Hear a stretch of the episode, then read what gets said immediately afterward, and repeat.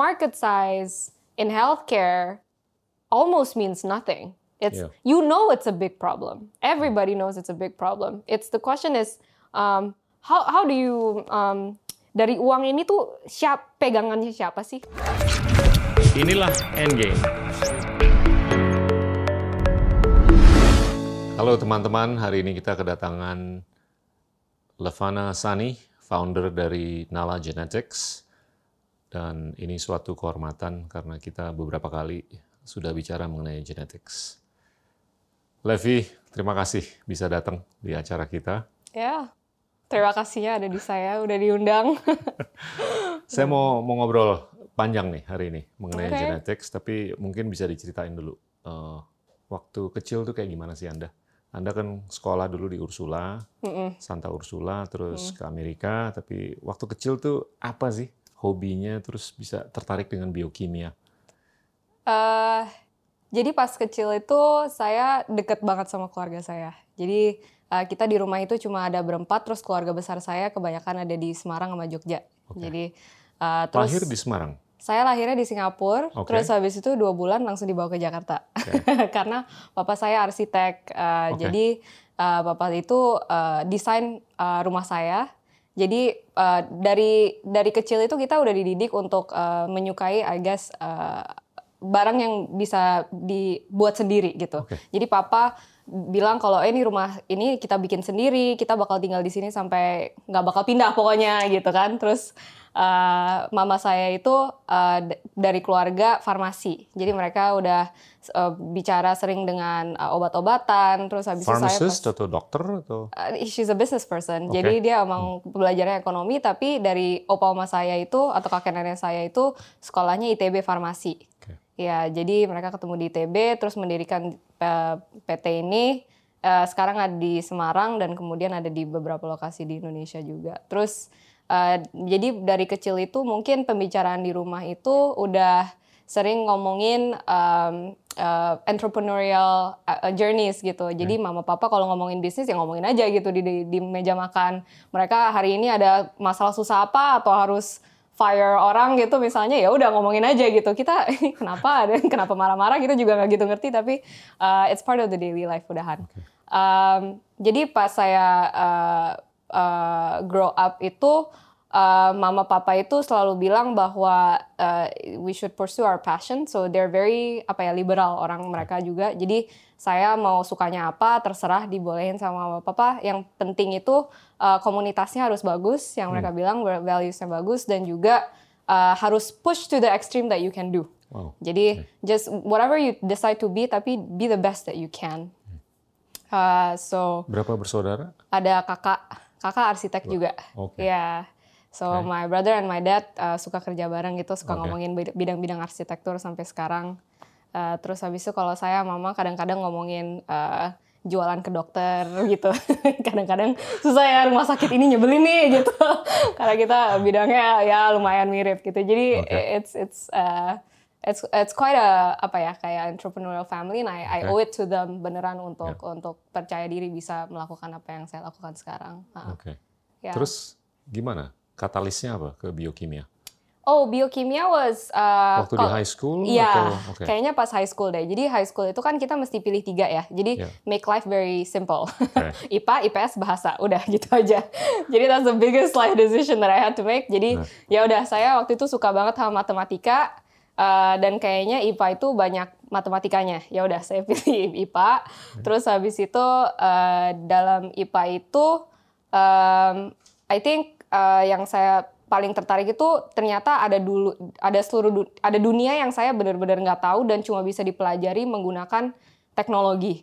Ya itu biokimia which is uh, molecular uh, things that happen on a molecular scale. Yep. Dan kenapa hal itu terjadi itu karena atom periodic table gitu ya, atau you know are interacting with each other uh, sehingga bisa kelihatan dalam bentuk yang uh, A, B atau C-nya itu bisa cuma dilihat dalam uh, bentuk uh, numbers or things that you can measure or things that needs technology untuk bisa dilihat gitu. Oke. To me it's a, a life of mystery gitu. Jadi kayaknya seru banget dan uh, aku pengen banget belajar lebih uh, tentang itu apa dan kebetulan uh, kalau misalnya dengar-dengar uh, mama papa ngomongin farmasi gitu uh, biokimia was was the center of all, all of that. Jadi Oke. walaupun mama saya itu bidangnya ekonomi, uh, oma saya kan farmasis gitu. Jadi dia selalu ngomongin kenapa obat ini lebih efektif dari obat lain misalnya. It's very simple discussion kayak ya ini kan nggak nyebabin efek samping gitu kan. Tapi kan kalau sebagai anak-anak kan kita mikirnya why? Kenapa ini bisa uh, obat ini sama obat ini walaupun sama-sama obat gitu, tapi satunya bisa menyebabkan efek samping, satu enggak misalnya. Itu these type of conversations itu I think um, uh, really drive me to to ask why. And keluarga saya juga kalau misalnya saya ask why mereka nggak pernah bilang nggak usah gitu. Mereka selalu Oke, coba dibuka. jawab ya gitu. Lepas, oke. So, so very fortunate that that my Yeah. family memang keluarga saya tuh memang terbuka banget untuk have conversations and discussions. Jadi dari kecil tuh emang udah dibina percakapan seperti itu. Kayaknya lebih dibinanya untuk uh, melanjutkan family business ya. Jadi, Jadi emang- byproductnya adalah Iya, iya. keterbukaan pembicaraan. Iya, Oke, iya, iya. oke. Jadi kayaknya mereka memang udah groom gitu. Tapi um, uh, and then- terus saya rada melenceng jadinya. Jadi I, I I like the field too much that uh, I overshot a bit. Now I do genetics. Um, tapi uh, it it was because of that early Oke. early conversations. Hobi apa waktu kecil? Uh, I draw. I paint No until kidding. today. Nah, itu dari dari papa. Exactly. Ya, Oke. jadi dulu kalau kita kita jadi papa itu kan suka lihat uh, bangunan-bangunan. Jadi kalau kita itu liburan, bagi dia itu belajar. Hmm. Dia mau lihat desain bangunan di mana-mana. Uh, jadi kalau misalnya kita lihat bangunan atau kita lihat uh, museum-museum, kita nggak boleh main Game Boy sampai hafal at least 10 painting gitu. jadi uh, and so um, they they I, I think sebagai uh, my mom and dad memang suka uh, uh, apa ya artisan gitu-gitu. Jadi kayak mereka collect a lot of paintings. Jadi kalau di rumah saya tuh banyak banget lukisan-lukisan orang Indonesia, Yeah. uh, the masters of Indonesia gitu-gitu. Okay. Mereka sangat senang. Worth a lot probably right now.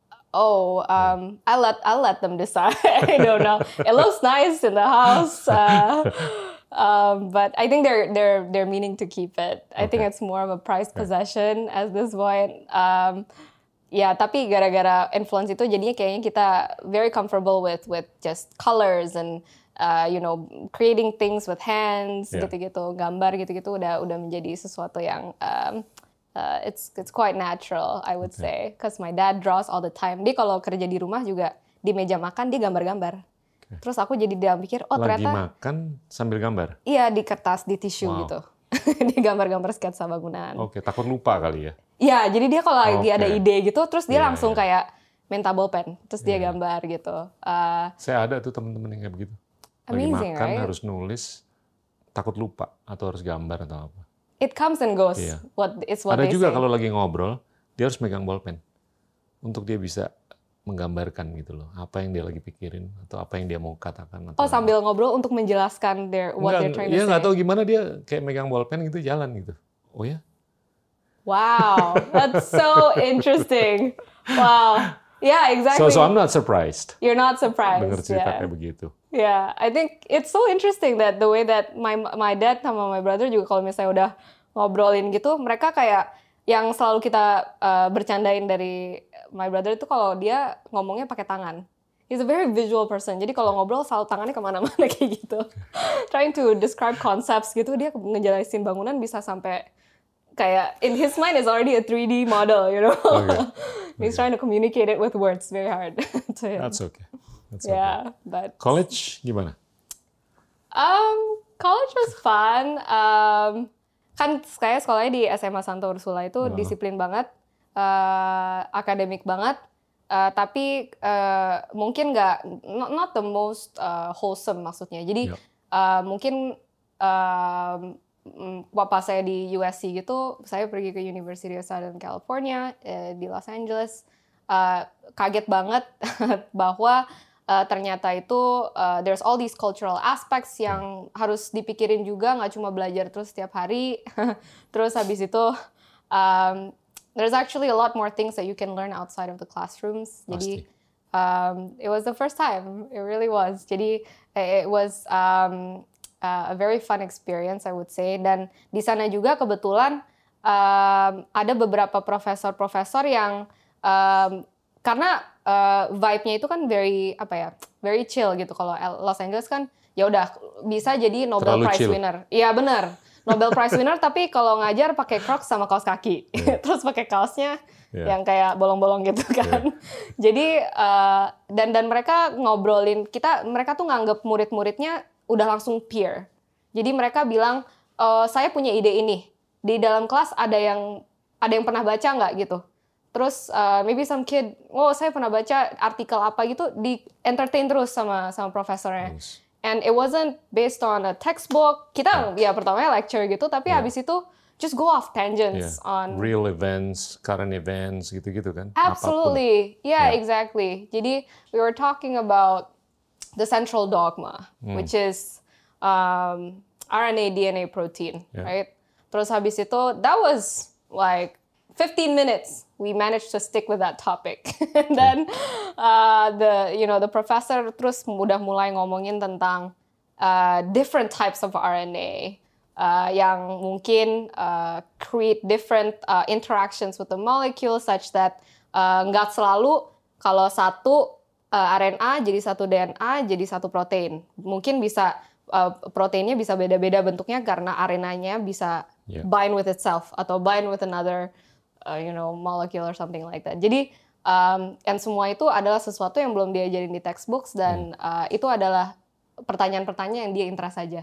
That was the first time I saw someone who can um, yang tertarik uh, bicara dengan new idea, tapi uh, walaupun dia sendiri udah sangat expert gitu. And uh, I, I fell in love with that. I think I fell in love in science because I saw that orang-orang yang udah expert, tapi mereka nggak nggak merasa dirinya expert. Mereka Okay. merasa bahwa, hey, this my my expertise is in learning. Yeah. Jadi uh, whatever new science, let's bring it on, bring it into the class. However Nice. young you want, doesn't matter. You have a question yang kamu tertarik, work with me. We'll figure it out together, gitu.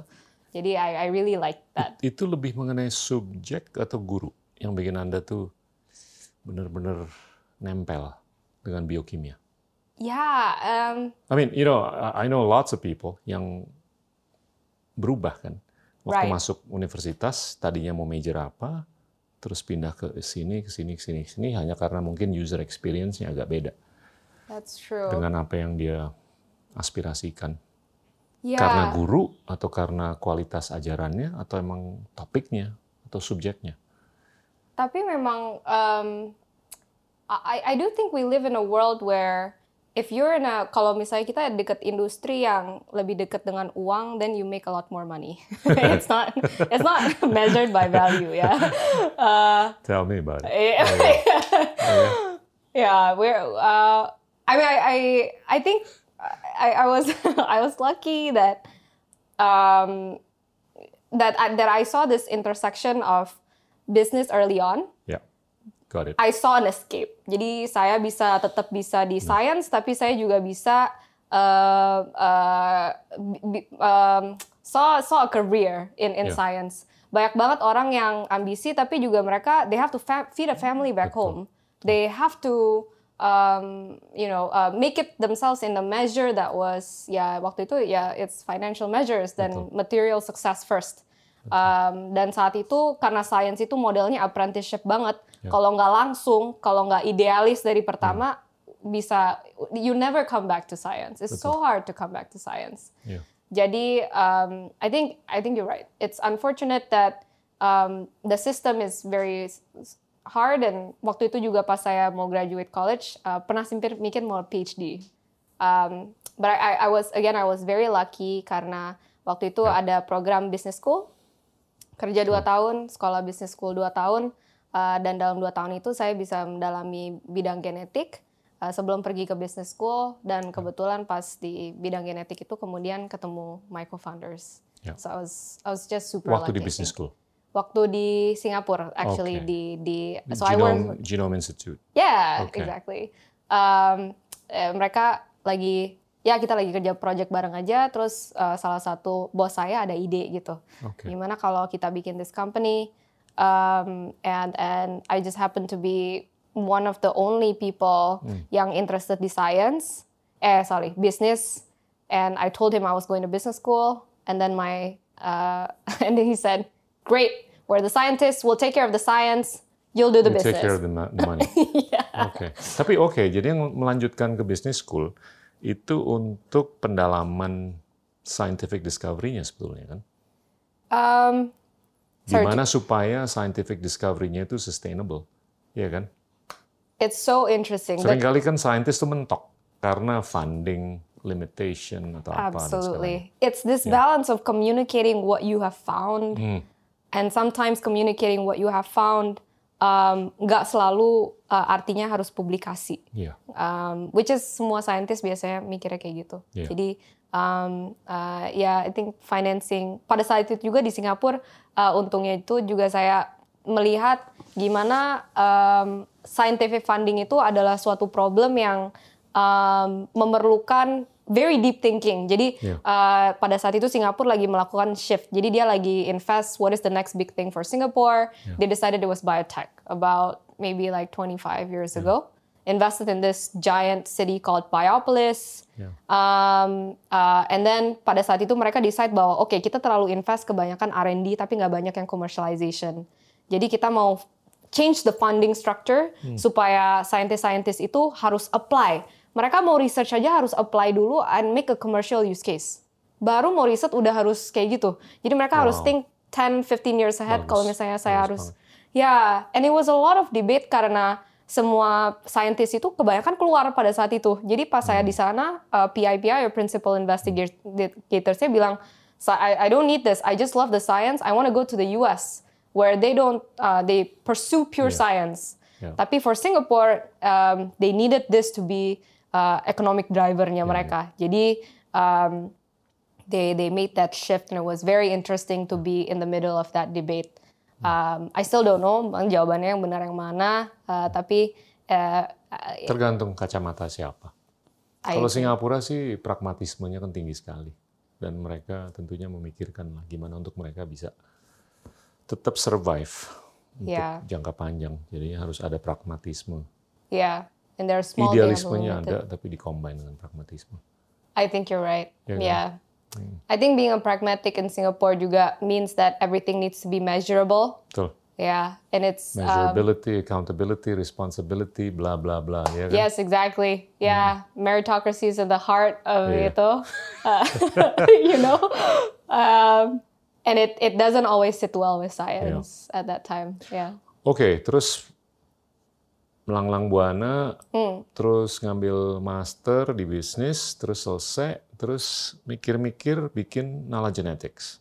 So Nala Genetics sebenarnya incorporated dua bulan sebelum saya pergi. Oke, Iya, terus di take care sama teman-teman saintis, terus Iya. Anda melanjutkan S2, betul. begitu balik, bentuknya udah berubah, lebih besar atau sama atau apa?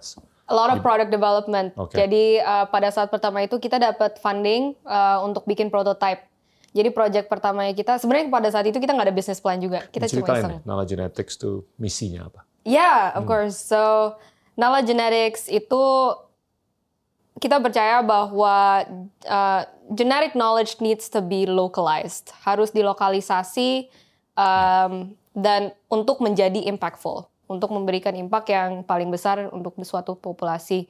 Uh, oleh karena itu, uh, tes yang dibikin, tes genetik yang dibikin itu harus sesuai dengan um, genetic make- makeup of the person dan uh, clinical recommendation-nya juga harus sesuai dengan um, efek yang dilihat di dalam populasi itu.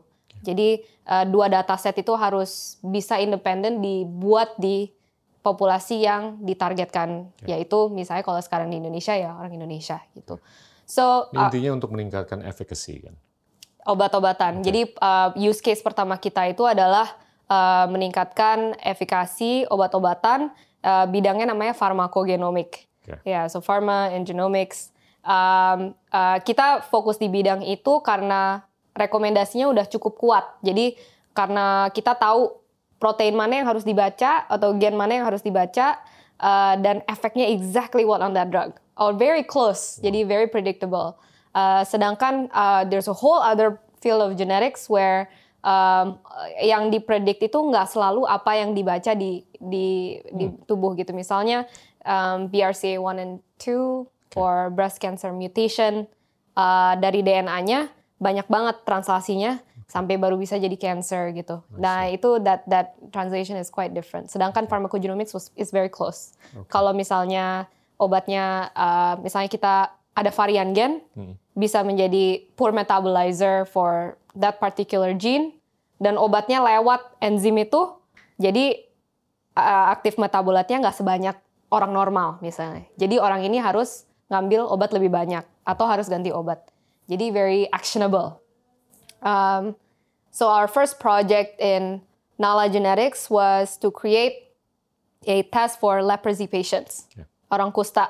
Jadi orang kusta itu ceritanya Di Indonesia, di Singapura? Indonesia Oke. di Papua. So Sorry, Singapura semestinya udah nggak ada lagi kali. Iya, iya, iya, it's very little. Ma- Masih ada, masih ada. Yeah, but it's very little. Um, uh, yeah, so so there was like one doctor who like was working on it. Uh, tapi Indonesia di di di Litbangkes Papua ini uh, kita kerjasama untuk melihat bahwa ada satu um, gen namanya HLAB 1301 di mana kalau misalnya orang ini ada tipe gen ini, dia minum obat Dapson bisa kayak uh, seluruh epitel tubuhnya kayak terbakar it starts thinking that the body is under fire, it needs to fight it gitu, harus berantem sama obat ini. Terus habis itu um, orang kusta nggak banyak meninggal dari penyakit kusta itu, tapi malah meninggal dari um, efek samping obat ini. So it's very ironic. Uh, terus kita bikin tes yang uh, murah banget, uh, well hopefully murah banget, itu 50 ribu, terus kita jual ke Litbangkes dan sekarang uh, lagi dipekerjakan gimana caranya tes ini supaya di uh, reimburse sama BPJS untuk Indonesia Timur gitu. Oke. And it was crazy because kita pikir HLAB 1301 ini ya paling 15-20%. It's actually up to 30% in some population. Jadi out of three, one out of three people bisa meninggal gara-gara efek samping obat ini. Wow. So yeah, it's it's it's pretty interesting. So that was the only thing. Jadi pertama kali kayak uh, satu bulan satu tahun itu benar-benar ngerjain itu aja. Terus kita kaget, eh kok ternyata um, validasi biomarker ini uh, berjalan dengan sangat baik. Litbangkes Papuanya super responsif. Uh, kita jadi lihat, eh mungkin kita bisa ngerjain ini buat yang lain-lain juga loh. Banyak obat-obatan lain yang sebenarnya uh, kalau nggak dites uh, sayang banget efikasinya nggak bagus atau orang itu pergi ke rumah sakit lagi not knowing it's because of their drug. They think it's because their disease is getting worse. Uh, but no, it's suppo- if the drug works harusnya nggak harus nggak harus balik ke rumah sakit. Jadi blood thinners, clopidogrel, um, yeah, a lot of medications have that type of uh, uh, side effects that can be Ini, pretty ini Big fatal. Pharma nggak melakukan Yeah, testing-testing yang interestingly. se-exhaustive yang kita pikir selama ini. Jadi uh, pharmacogenomics is something uh, it's not so new, but it's pretty new. Jadi maybe genetic revolution was early 2000s. Okay. Uh, some of these drugs have been approved or atau udah FDA approved Yeah, in the predates. 50s. Predates. 60s, exactly. Ya. Dan mutasi juga udah lebih. Exactly. Okay. So, jadi a lot of Tapi kenapa mereka nggak meng-update? It's because they're they can make money. Sorry. Tolong dielaborasi. yeah. Um, I think uh, they would. Is your mom watching? Okay, yeah. I hope none of the pharmaceutical companies see this, but I, I I think you know you have a set of resources. They're a, a for-profit company. Yep. They would look at things that give them the most, uh, the biggest returns. Uh, it so happens that you know these adverse drug reactions, um, uh, obviously, is is is something that is not the first thing that comes to mind, especially untuk obat-obatan yang udah generik gitu. Ini obat-obat udah nggak banyak, udah rada tua kan, tapi di developing countries, these are the drugs that are prevalent yang paling banyak dipakai kan. Um, untuk pharmaceutical company, that's done in the past. Udah, we need to work on the more bigger blockbuster drugs. Yep. Um, terus uh, jadi ada gap di situ. Tapi gap keduanya juga kalau kita ngobrol sama dokter-dokter, kita tanya, eh obat-obatan ini uh, menyebabkan efek samping gitu. Terus habis itu they they they find it hard to identify what is an adverse drug reaction sometimes. Jadi uh, mungkin kalau efek samping obat itu nggak bekerja, mereka bisa bilang bahwa oh memang pasiennya aja nggak sering nggak minum obat. Atau ya siapa tahu pasiennya pergi ke dokter lain terus obatnya interaksi sama obat saya bukan salah saya gitu misalnya. Very it- it's that it- it- the the care system is not connected. Very hard to identify. Um, dan um, this is the type of decision that kenapa saya percaya bahwa farmakogenomik itu bisa kuat banget itu karena it's the type of thing that if you know in the beginning all these Betul. side effects atau uh, yeah permutations of what could happen next itu nggak bakal terjadi. So it's very important to just get it right in the beginning. Yeah, path of least resistance. Langsung. Perfect. Yes. So your clientele itu ujung-ujungnya nanti farmasi atau end users? Yeah, so Karena atau bisa dua-duanya. I think in healthcare it's interesting karena yang pakai bukan yang bayar terkadang. Mm-mm. And yang bayar bukan yang decide. Okay. so it's three different people sometimes. Uh, in the worst case scenario or the most complex, uh, the buyer is the insu- insurance company, the decision maker is the doctor, the user is the patient. Yeah. Jadi for one thing to happen, three people need to agree. Oh. Wow. Each- of them have their own incentives uh, and their own interests. Tapi perusahaan asuransi they're vested in this. End We- we user think pasti so. vested. Yes. Dokternya gimana? You exactly. I think I think you have read extensively on this. you know this Yeah. very well.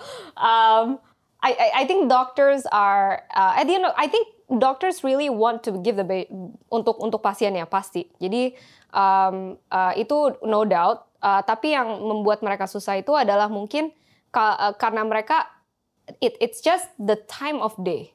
It's really is I see a patient di depan saya udah harus dilakukan sesuatu dan saya cuma punya waktu on average 6 sampai 10 menit. Iya. Apakah saya ada waktu untuk menjelaskan tes DNA itu apa? Eh, harus ngambil sampelnya, apa segala, efek samping? Mm, no, no time. I just give kalau misalnya oh, pasien ini mirip banget dengan mm, pasien yang pernah saya lihat sebelumnya, ya udah saya kasih aja obat standar dose gitu langsung. So we don't blame the doctors, but it is the system yang memang menyebabkan dokter itu terkadang susah untuk adopt teknologi-teknologi baru di mana Iya. requires a little bit of investment dari mereka. Iya. Jadi uh, part of Nala Genetics itu pas kita bikin kita nyadar bahwa bikin tes doang nggak bakal kejual karena uh, tes itu kan kita jual informasi. Jadi informasinya itu harus dipackage sesuai Harus supaya diberdayakan. exactly ya Harus diberdayakan oleh farmasi, asuransi, pemerintah juga to some extent, yang pasti end user. Dan dokternya juga, dokter yang paling baik kan adalah dokter yang nggak bakal ketemu lagi sama pasiennya setelah ketemu sekali. I agree. Iya kan? Ya. Tapi sekarang uh, payment sistemnya kebalik banget. Iya. Sebelum BPJS, sekarang udah ada BPJS, I think it's much better. Tapi sebelum BPJS, pertanyaannya adalah gimana cara supaya pasien ini datang terus ke saya. Iya. Iya. Jadi uh, Kayak jualan mobil aja supaya dia ke bengkel terus. iya iya kan dikit ya ada salahnya dikit gitu kan. Uh, just enough you know that and then uh, I think bagusnya juga tapi sekarang zaman sekarang pasien itu yang yang paling saya tertarik itu uh, saya dulu pas sekolah di Amerika saya lihat company-company lain yang di tes DNA bedanya apa dengan bisnis model yang bisa saya implementasikan di sini atau Southeast Asia. Uh, the main biggest difference is really the awareness of the market Iya. there's this class of uh, users di US namanya citizen scientists. Betul. How great is that name, right? It's you're you're a, yeah right. And it's such a it's a citizen scientist. Uh, and kita biasanya mikir scientist itu orang di lab terus gitu, tapi kan Iya. um, karena banyak orang uh, sekarang these days itu uh, tahu banget tentang uh, uh, kesehatan uh, nya mereka, terus habis itu digital data, dan mereka pengen banget tahu tentang segalanya tentang diri mereka sendiri. Yang mereka uh, ada buku namanya The The Patient Will See You Now. I love that book. Um, itu bilang bahwa dokternya harus da- siap menjawab pertanyaan dari pasien, not the other way around gitu. Jadi um, I think that's the biggest difference. Jadi Iya. pas saya balik ke Indonesia atau balik ke Singapura juga melihat bahwa culturally speaking and awareness level adalah sesuatu yang kita masih harus kerja dengan banyak dokter dulu. Baru ke end user, baru ke insurance company. Give me, give me some numbers. Kalau ini benar-benar mujarab, Ya, temuan-temuan ini untuk bisa meningkatkan efficacy ya, dari obat ke pasien supaya nggak ada adverse reactions lagi. ya.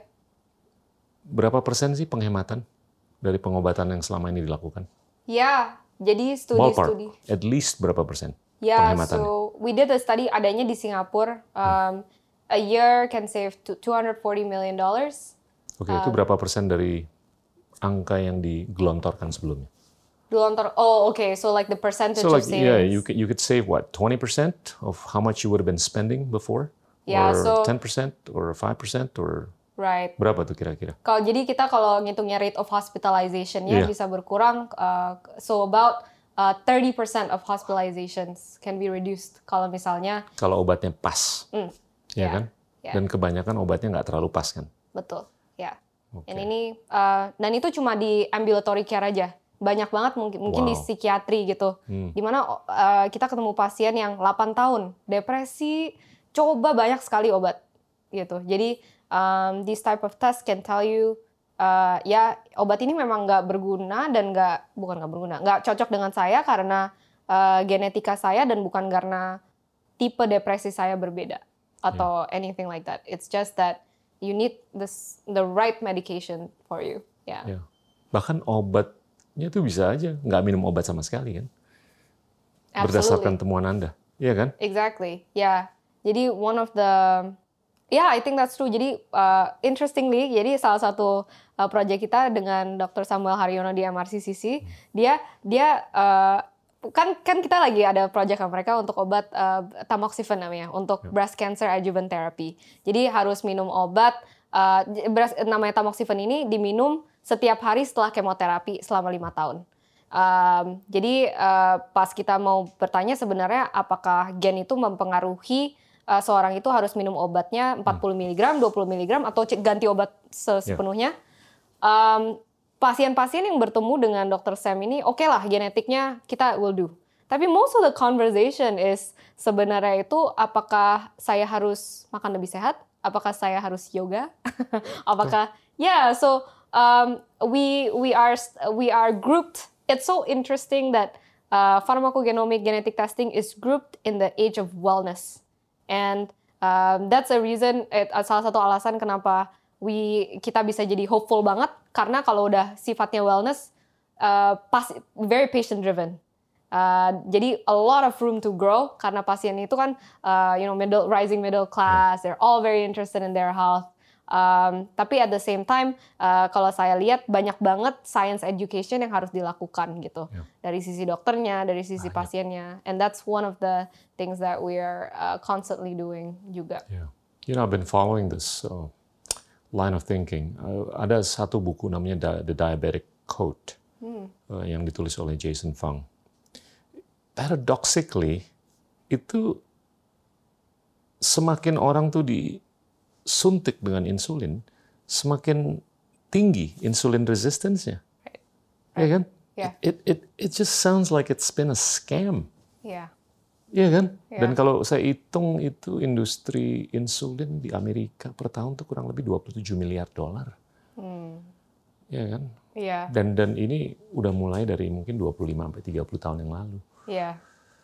Sebetulnya untuk kita bisa mengobati diri adalah untuk tidak ah, menyuntik diri kita dengan insulin. Kalau- Ini untuk tipe 2 ya, Mm, exactly. diabetes. Iya. Karena ya exposure basically causes resistance. Iya. Ya Iya. kan? Semakin kita terekspos dengan cuaca dingin, semakin kita kuat dengan dingin. Iya. Tapi semakin kita terekspos dengan insulin, semakin kita resist insulin. Makanya glukosnya yang semestinya dianterin oleh insulin itu nggak masuk ke sel otot.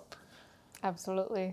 Iya. Jadi ya nggak tahu nih gimana untuk kita bisa mengsosialisasikan atau mengedukasi masyarakat luas. Yeah. Ya kan? It starts with the doctors. Jadi, um, I, Oh, oke. right? Yeah. Karena kalau dokternya Ideally. ideally, Yeah. ideally. Karena um, By the way, full disclosure, my dad was a doctor. wow. Ya kan? Tapi saya ngelihat ini dokter nih harus lebih bisa berperan yeah. untuk uh, menempatkan atau meletakkan proporsi kedudukan pengobatan. Yang Iya. mana yang benar atau yang mana sebetulnya nggak usah diobatin. Yeah. Karena dia lebih baik nggak usah minum obat. Yeah. Ya kan? And and to do that kayaknya juga mesti dilihat. Kadang-kadang saya juga um, uh, lihat dokter, mm, maksudnya resistance-nya kenapa itu gara-gara the way that they are paid ya. Uh, jadi the the incentive system itu sangat susah supaya um, dokter-dokter itu praktek seperlunya aja gitu. Karena it's a fee for service model. Jadi uh, dibayarnya kalau ada intervensi. Ya. Jadi dia harus melakukan intervensi, pasien udah di depan mata harus Iya. di do something gitu supaya bisa uh, bikin that visit worthwhile untuk Iya. dirinya dia. Um, Tapi kalau misalnya bisa ganti kayak model BPJS, jadi Ya. um, eh, dibayarnya kalau sembuh aja, ya itu kan harusnya align ya, gitu kan Ya. lebih align. Jadi kalau saya bayar ya kalau saya sembuh aja gitu. Akuntabilitasnya jelas. Exactly ya, ya. Ya. I think I was so excited. Jadi pa- pa- pas kita mau uh, bikin tes DNA kita dibayarin sama BPJS, Hmm. kita jadi uh, kenal sama orang-orang nggak banyak sih, kayak ada 5 sampai 10 orang yang ada di UI sekarang, Ya. uh, health economists. They they they do cost effectiveness studies untuk melihat bahwa oke ini obat mana yang harus dimasukin ke dalam BPJS um, dan kenapa gitu. Jadi kalau misalnya mindsetnya kita bisa bikin decision on a public health level uh, to say that enggak semua orang harus minum obat ini yang paling mahal. Kita bisa minum obat yang sebenarnya lebih murah tapi um, can give more access misalnya atau less side effects to some people atau kita bisa tes orang dulu supaya efek samping obatnya nggak kejadian ke depannya. These can only happen if the right incentives um, are, are are put in place and that's why I think uh, genetics today Yeah. is so interesting because uh, Sangat. of that of that systemic Sangat. level change ya. Kalau nggak kalau misalnya cuma ya untuk diagnosis atau cuma Iya. bayar tes mahal nggak menarik karena uh, yang bisa bayar aja gitu jadinya Iya. yang yang dapat akses untuk informasi ini. Tapi kalau misalnya udah diimplementasi sistem wide level, Iya. it can touch everybody gitu. Betul. Jadi who needs it the most ya. Betul. Saya, saya percaya perannya genetics dalam batas wajar ya, itu sangat bisa membesarkan bangsa, mencerdaskan bangsa, meningkatkan efisiensi, profisiensi, apa pun lah, dan kesehatan, Ya, termasuk longevity, yes, ya kan? yes. Dan nah, saya mau tanya nih, kita kita akan mendalami nanti berikutnya DNA, RNA dan segalanya. Tapi saya mau tanya, kalau umpamanya Anda menemukan bahwa sequence genomnya dia Hmm. ini kayak begini dan obat yang ini nggak cocok, Hmm. Obat yang ini juga nggak cocok, obat yang ini nggak cocok, terus nggak ada alternatifnya, gimana tuh? Yeah, great Terus nggak ada farmasi yang bisa membuahkan obat tersebut. Great question. I think um, jawabannya adalah jangan dibaca. Oke, Karena jangan dibaca apanya. jangan dibaca gennya. Oke, Yeah, so um, uh, I think it's uh, one of the reasons kenapa genetics itu sangat susah di diimplementasikan di kalangan dokter ada namanya variants of un- uh, uncertain significance or VUS. Artinya itu uh, kalau misalnya di dunia kanker kita tahu uh, mutasi ini terjadi, tapi apakah mutasi ini yang menyebabkan kanker? Hmm, we're not sure. Yep. Um, similar to your question just now, kita tahu bahwa gen ini bisa menyebabkan enzim ini tidak as they say, berfungsi. cancer is the biggest perversion of genetics. Interesting. yes, there's so much unknown about it. Karena it replicates, It does, it does. ya kan? It just mutates. Sorry, I cut you off. Terus terus. No, but there's a whole other. I was just thinking in my brain. Oh, there's a whole other topic. yeah, I was like, oh, should we go on that tangent? Um, but uh, yeah, so jadi kalau misalnya di Nala Genetics pas kita bikin uh, tes, misalnya salah satu decision yang kita harus bikin early on, kita ditawarin bikin um, untuk membuat tes Alzheimer's. Um, and Alzheimer's is a disease that nggak ada medikasinya. Jadi kalau misalnya one of the things di luar farmakogenomik yang kita bikin adalah kita mau melihat also uh, prediction of chronic conditions. Jadi uh, with the same level of thinking, kalau misalnya kita bisa predict uh, efek samping obat, kita bisa predict yang lain juga. Slightly more advanced science, but basic Yeah. science is the same. Um, and kalau misalnya kita bisa lihat bahwa orang itu akan dari uh, Alzheimer's nggak ada solusi dan umur 30 um, udah kita kasih tahu apakah kita mau memberikan informasi itu ke orang tersebut. And uh, kita sebagai uh, at the time uh, pas di you know the founding team kita bilang we'll hold back that information. Yeah. Kita uh, fokus on karena banyak banget biomarka yang udah actionable. Kenapa kita harus fokus ke uh, informasi-informasi yang mungkin belum bisa actionable dulu. Jadi um, uh, we we decided on not to do that. Tapi banyak juga um, company-company lain yang merasa bahwa ini adalah the right of the patient to know. And I completely agree with that too.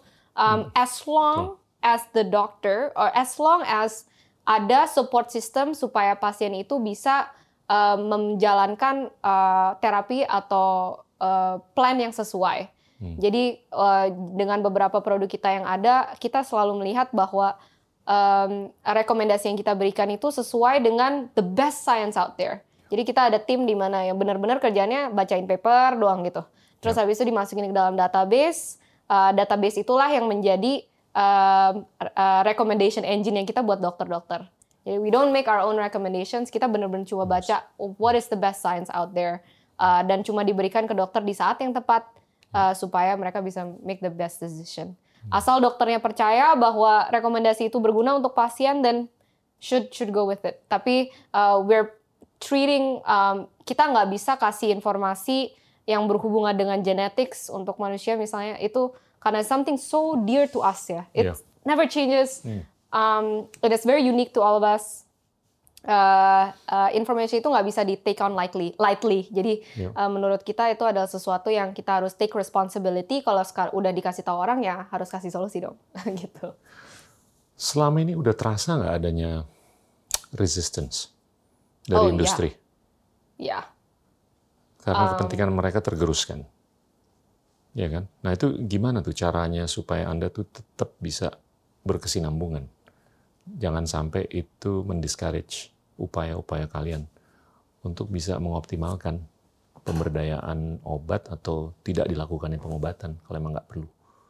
Ya, um, uh, resistance-nya, um, I think when saat kita ngobrol dengan resisten itu, um, mirip dengan teknologi apa pun, uh, there's always the 80-20 rule. Uh, ada, there, there's just early adopters, uh, yeah. people yang memang ngobrol, tangkap langsung. Yeah. These are the people that kita yang udah kita kerja samain dulu, just yeah. grab the lowest hanging fruit first.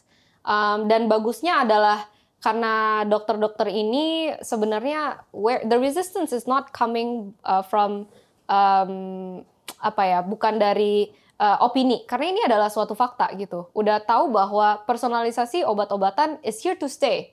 Nggak mungkin uh, kita balik lagi 20 years ago. Ya, yeah, when yeah, so yeah. it's either join sekarang atau join later. Gitu aja yeah. sih pertanyaannya. Jadi kalau misalnya ada dokter-dokter yang memang percaya bahwa join sekarang dan memang mau take a chance bahwa oke okay, ini teknologi baru saya mau belajar teknologi ini dan saya bisa menaruh nama saya bahwa tes ini bisa memperbaiki uh, praktek saya uh, dan saya mau investasi ke ke solusi-solusi ini. Yeah. Uh, itu adalah dokter-dokter yang end up making the um, what Nala Genetics exists today. Jadi okay. pas saya pertama kali mulai dengan Nala Genetics, one of the biggest decisions as a CEO that I have to make is choosing the right partners. Yeah. Karena kalau enggak, um, I will just talk to wall. ya, yeah, jadi uh, resistance is key, uh, is there. Um, doesn't mean we can we can go to other other doors and yeah. other partners. Di Nala Genetics karyawannya berapa? We have 25 people. Ya, di 15 orang di Indonesia, 10 orang di Singapura. Um, Scientistnya berapa? Oh, uh, dari 25. Actually, jadi itu termasuk yang, satu sekretaris ya? Nggak ada sekretaris. Wow. Jadi belum ada, belum ada. Okay. Kan nanti kalau misalnya fundraising selanjutnya uh, baru boleh budget. Oke. Okay. Tapi porsi saintisnya banyak kan? Um, 22 orang saintis dan tiga business development wow. ya. And even uh, dari business developmentnya itu saya selalu uh, interview for people yang memang ada background science-nya. Wow. Ya, jadi um, um, I think uh, as, as yang nggak semuanya saintis sih. Jadi um, um, tapi interestingly kan kita juga ada nama engineers gitu karena kita yeah. juga bikin software supaya um, uh, udah baca genetiknya ini interpretasi genetiknya pakai yeah. softwarenya ini kan. Nah softwarenya ini um, walaupun mereka semua software engineer they're married yeah. or are dating scientists. Jadi you know indirect effects of uh, ini memang it's quite a niche industry. Jadi uh, kalau misalnya saya harus uh, berantem sama Gojek gitu ya, Tokopedia, gimana cara hire software engineers? harus ada yang udah kayak ada interest gitu. Yeah. Kalau enggak, I I can't win. Ya, yeah, so. Okay. Uh, but it's it's been interesting. Mereka semua kayak kalau misalnya kita ngobrolin gitu ya, kita ada Friday happy hours where we we try a bunch of nerds. Tapi udah nggak ada lagi kan sekarang zaman PSBB begini. Yeah. Oh lewat Zoom, oke. Okay. Yeah, yeah, we make do, make do. Okay, Long distance okay, relationship okay. is hard, but it's not impossible ya. Yeah? but uh, yeah, so when we do on on Fridays kita uh, ngobrolin kayak each department um, pitch an idea that is the best frontier of their of their team gitu. Jadi waktu itu the the engineers pitch an idea for namanya federated learning. Jadi kan kita misalnya mau predict eh, iseng doang sih. Yeah. Ya, maksudnya masih jauh banget tapi I kayak feel like I'm getting younger now. yeah, no, that's well, that, you are already very young at heart. So Terus? um, yeah, and then and then ada uh, ada one of my product managers dulu kerjanya CRISPR. Uh, Okay. di UCSF Let's talk about that. like, Yeah. oh let's Ah, do it. Yes, I wish she was here to be talking Yeah, yeah. about CRISPR. Um, and then you know my my co-founder is a bioinformatics. Um, jadi dia dia kasih tahu, eh this is the field of bioinformatics. Um, and uh, uh, serunya kalau di Nala ya atau uh, ada grup saintis-saintis itu um, mereka selalu uh, want to share gitu jenisnya kayak eh this is what my field is doing and I want to share with you guys and this is where we think what the company is going so um, I think it's fun that there's a lot of scientists banyak banget scientists di di company Hmm. 2015, Jennifer Doudna mengibarkan bendera mengenai CRISPR-Cas9. What's your view? um, Net good? Net bad? oh net good or net bad Let's Um, start with the easy one first. I well what do you what do you what do you think? Oh, net What do you- good. net good I'm, I'm in that camp. net good right what Dan would- saya juga kaget waktu saya baca bukunya. yeah Dia tuh yang menceritakan bahwasanya RNA itu predates DNA. yes Saya kaget. Saya pikir justru sequentially after. right right right Ternyata RNA itu was the predator, yes ya kan? Atau From predecessor. primordial soup Iya, hari ini dulu ya dari single helix ke double helix. yes Nah gimana tuh menurut Anda CRISPR aplikasinya ini kan udah mulai kelihatan nih Hmm. ke mana-mana kan. Gimana kita bisa meniadakan pediatric blindness. Kita so bisa exciting meniadakan HIV, kita bisa meniadakan banyak lah ailments atau illnesses yang agak-agak menggerus lah humanity. yeah Nah ini kan ada interpretasi yang menyatakan ini therapeutic, tapi ada juga yang menyatakan ini enhancing.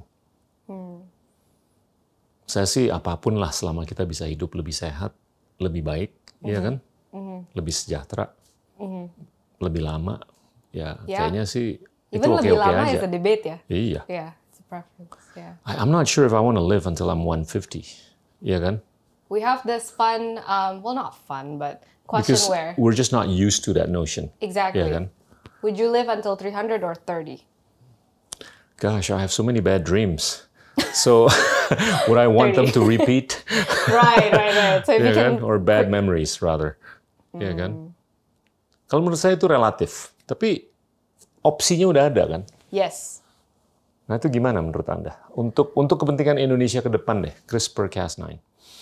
Kayaknya kalau with with any technology, um, technology itself is neutral, I think, or knowledge is neutral. It's what you decide to do with it that can make it good or bad. Ya. Jadi uh, kalau uh, tapi that's also my personal belief. Jadi um, kalau uh, CRISPR um, diaplikasikan kayak misalnya yang um, uh, you know uh, the the HIV babies di Cina gitu misalnya yang uh, they, they try to cure. I think kalau misalnya uh, kalau misalnya nggak ada counterbalance ke teknologi ini, di mana kita bisa bilang, oh ini adalah that's it. This is where as far as it goes. Uh, of course banyak banget kejadian-kejadian yang ke depannya yang kalau ethical approval yang nggak bagus waktu itu di Cina tiba-tiba um, public backlash nggak communicated well Yep. nggak ada legal structure-nya um, uh, itu tentunya bisa jadi kacau banget gitu. Yeah. karena teknologi sangat kuat. Uh, we can yeah we can do many things with, with CRISPR kan? Um, so I think um, as long as there's that counterbalance uh, I think you know innovation thrives towards the good um, tapi if there's no kalau misalnya nggak ada dua sisi ini biasanya jadi bisa jadi Harus ada pagarnya kan? iya iya Pagar iya moral, pagar spiritual, pagar Absolutely. teknis, pagar apa pun lah. Iya. Supaya kalau menurut saya ini harus didiskursuskan dengan seluruh pemangku kepentingan Ya, agar kebaikan dan perbaikan terjadi, ya, ya kan? Jadi- Karena siapa sih yang nggak mau nggak sakit, ya, ya kan? absolutely. Siapa sih yang nggak mau nggak buta? Siapa sih yang nggak mau ya apa pun lah yang selama ini merupakan defisiensi Hmm, dari kesehatan. hmm, Dan dan itu kalau menurut saya ya bahwasanya kita bisa mengedit lah salah satu dari G, C, A dan T, hmm, ya kan? mhm. Itu luar biasa kalau menurut saya. Yeah. It the possibility is is endless. Yeah. Um, and uh, just just thinking kayak kalau di field saya juga kayak um, uh, pertanyaannya tadi Bapak juga bilang sebenarnya CRISPR untuk Indonesia itu seperti apa? Uh, nggak kita kita belum even ke CRISPR aja kita membaca aja ini saya kasih dokter gitu ya dokternya uh, dok ini bisa ini ada informasi pilih obat yang uh, misalnya that's very simple decision aja Iya. mereka takut dan gak berani jadi um, um, where it is for Indonesia um, kayaknya uh, unfortunately masih um, kita harus gi- gimana caranya supaya banyak orang di uh, like you um, like practitioners in the field comfortable ngomongin teknologi baru Iya. especially in the policy making sense. Yeah. Jadi kalau misalnya kita mau apply gitu ya kayak uh, alat kesehatan dalam negeri, alat kesehatan luar negeri, kita kan harus ke BPOM, MOH, uh, apa uh, di, di sini mereka harus Betul. the forefront of teknologi. Jadi kita pertama kali uh, kita mau bi- bikin tes nih DNA. Terus habis itu katanya kita tes DNA pertama yang ada di manufaktur di Indonesia untuk tes farmakogenomik. Jadi um, kita tapi kita at the end of the day apakah kita mau pertama kali apply di Indonesia jadinya kita nggak nggak mau apply di sini. Kita mau apply di Singapura karena kita nggak dapat feedback dari orang di sini. Orang di sini akan bilang ya terserah mbak aja. Eh, karena kita belum pernah lihat teknologi ini kita nggak tahu gimana cara validasi atau men- melihat bahwa sesuatu itu aman atau bagus atau enggak sedangkan di Singapura kita baru present in five minutes langsung banyak banget pertanyaan did you do this did you do that nah itu that type of feedback itu yang membuat teknologi akan menjadi Maju. jauh lebih baik juga Iya. Iya, nggak cuma a bunch of scientists running around like headless chickens gitu. Iya. Jadi mereka bisa pinpoint, oh ini gimana saya cara tahu teknologi ini benar-benar aman dan kepakai di uh, di di populasi gitu. Iya. Kalau without that conviction, without that uh, dissent gitu from from um, regulatory bodies, Iya. kayaknya nggak nggak nggak bisa maju karena uh, selalu akan ada skeptik gitu. Selalu orang bilang, oh ini teknologi berbahaya gitu. Hmm. maju tapi berbahaya saya nggak mau. Jadi ujung-ujungnya kalau bicara yang kayak gitu terus jadi masalah opini ujung-ujungnya.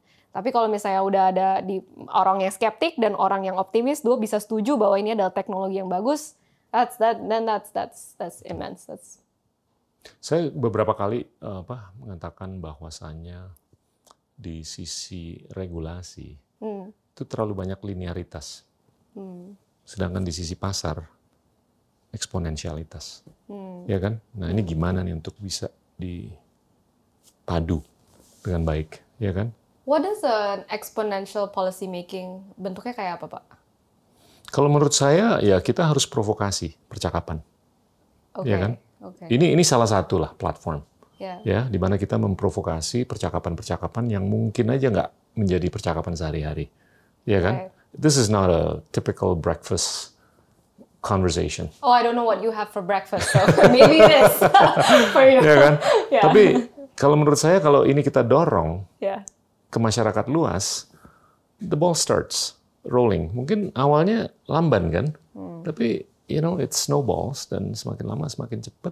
Iya. Ya mungkin aja nggak dalam 2-3 hari, tapi dalam 2-3 bulan atau 2-3 tahun. ya Tapi itu mendingan daripada nggak sama sekali.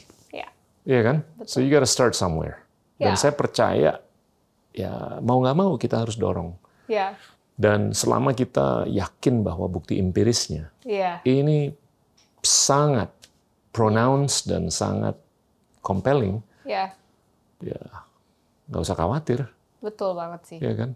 And it's amazing kenapa COVID itu Hmm, now, you know, ya, tukang gojeknya tahu artinya qPCR gitu. Gila banget.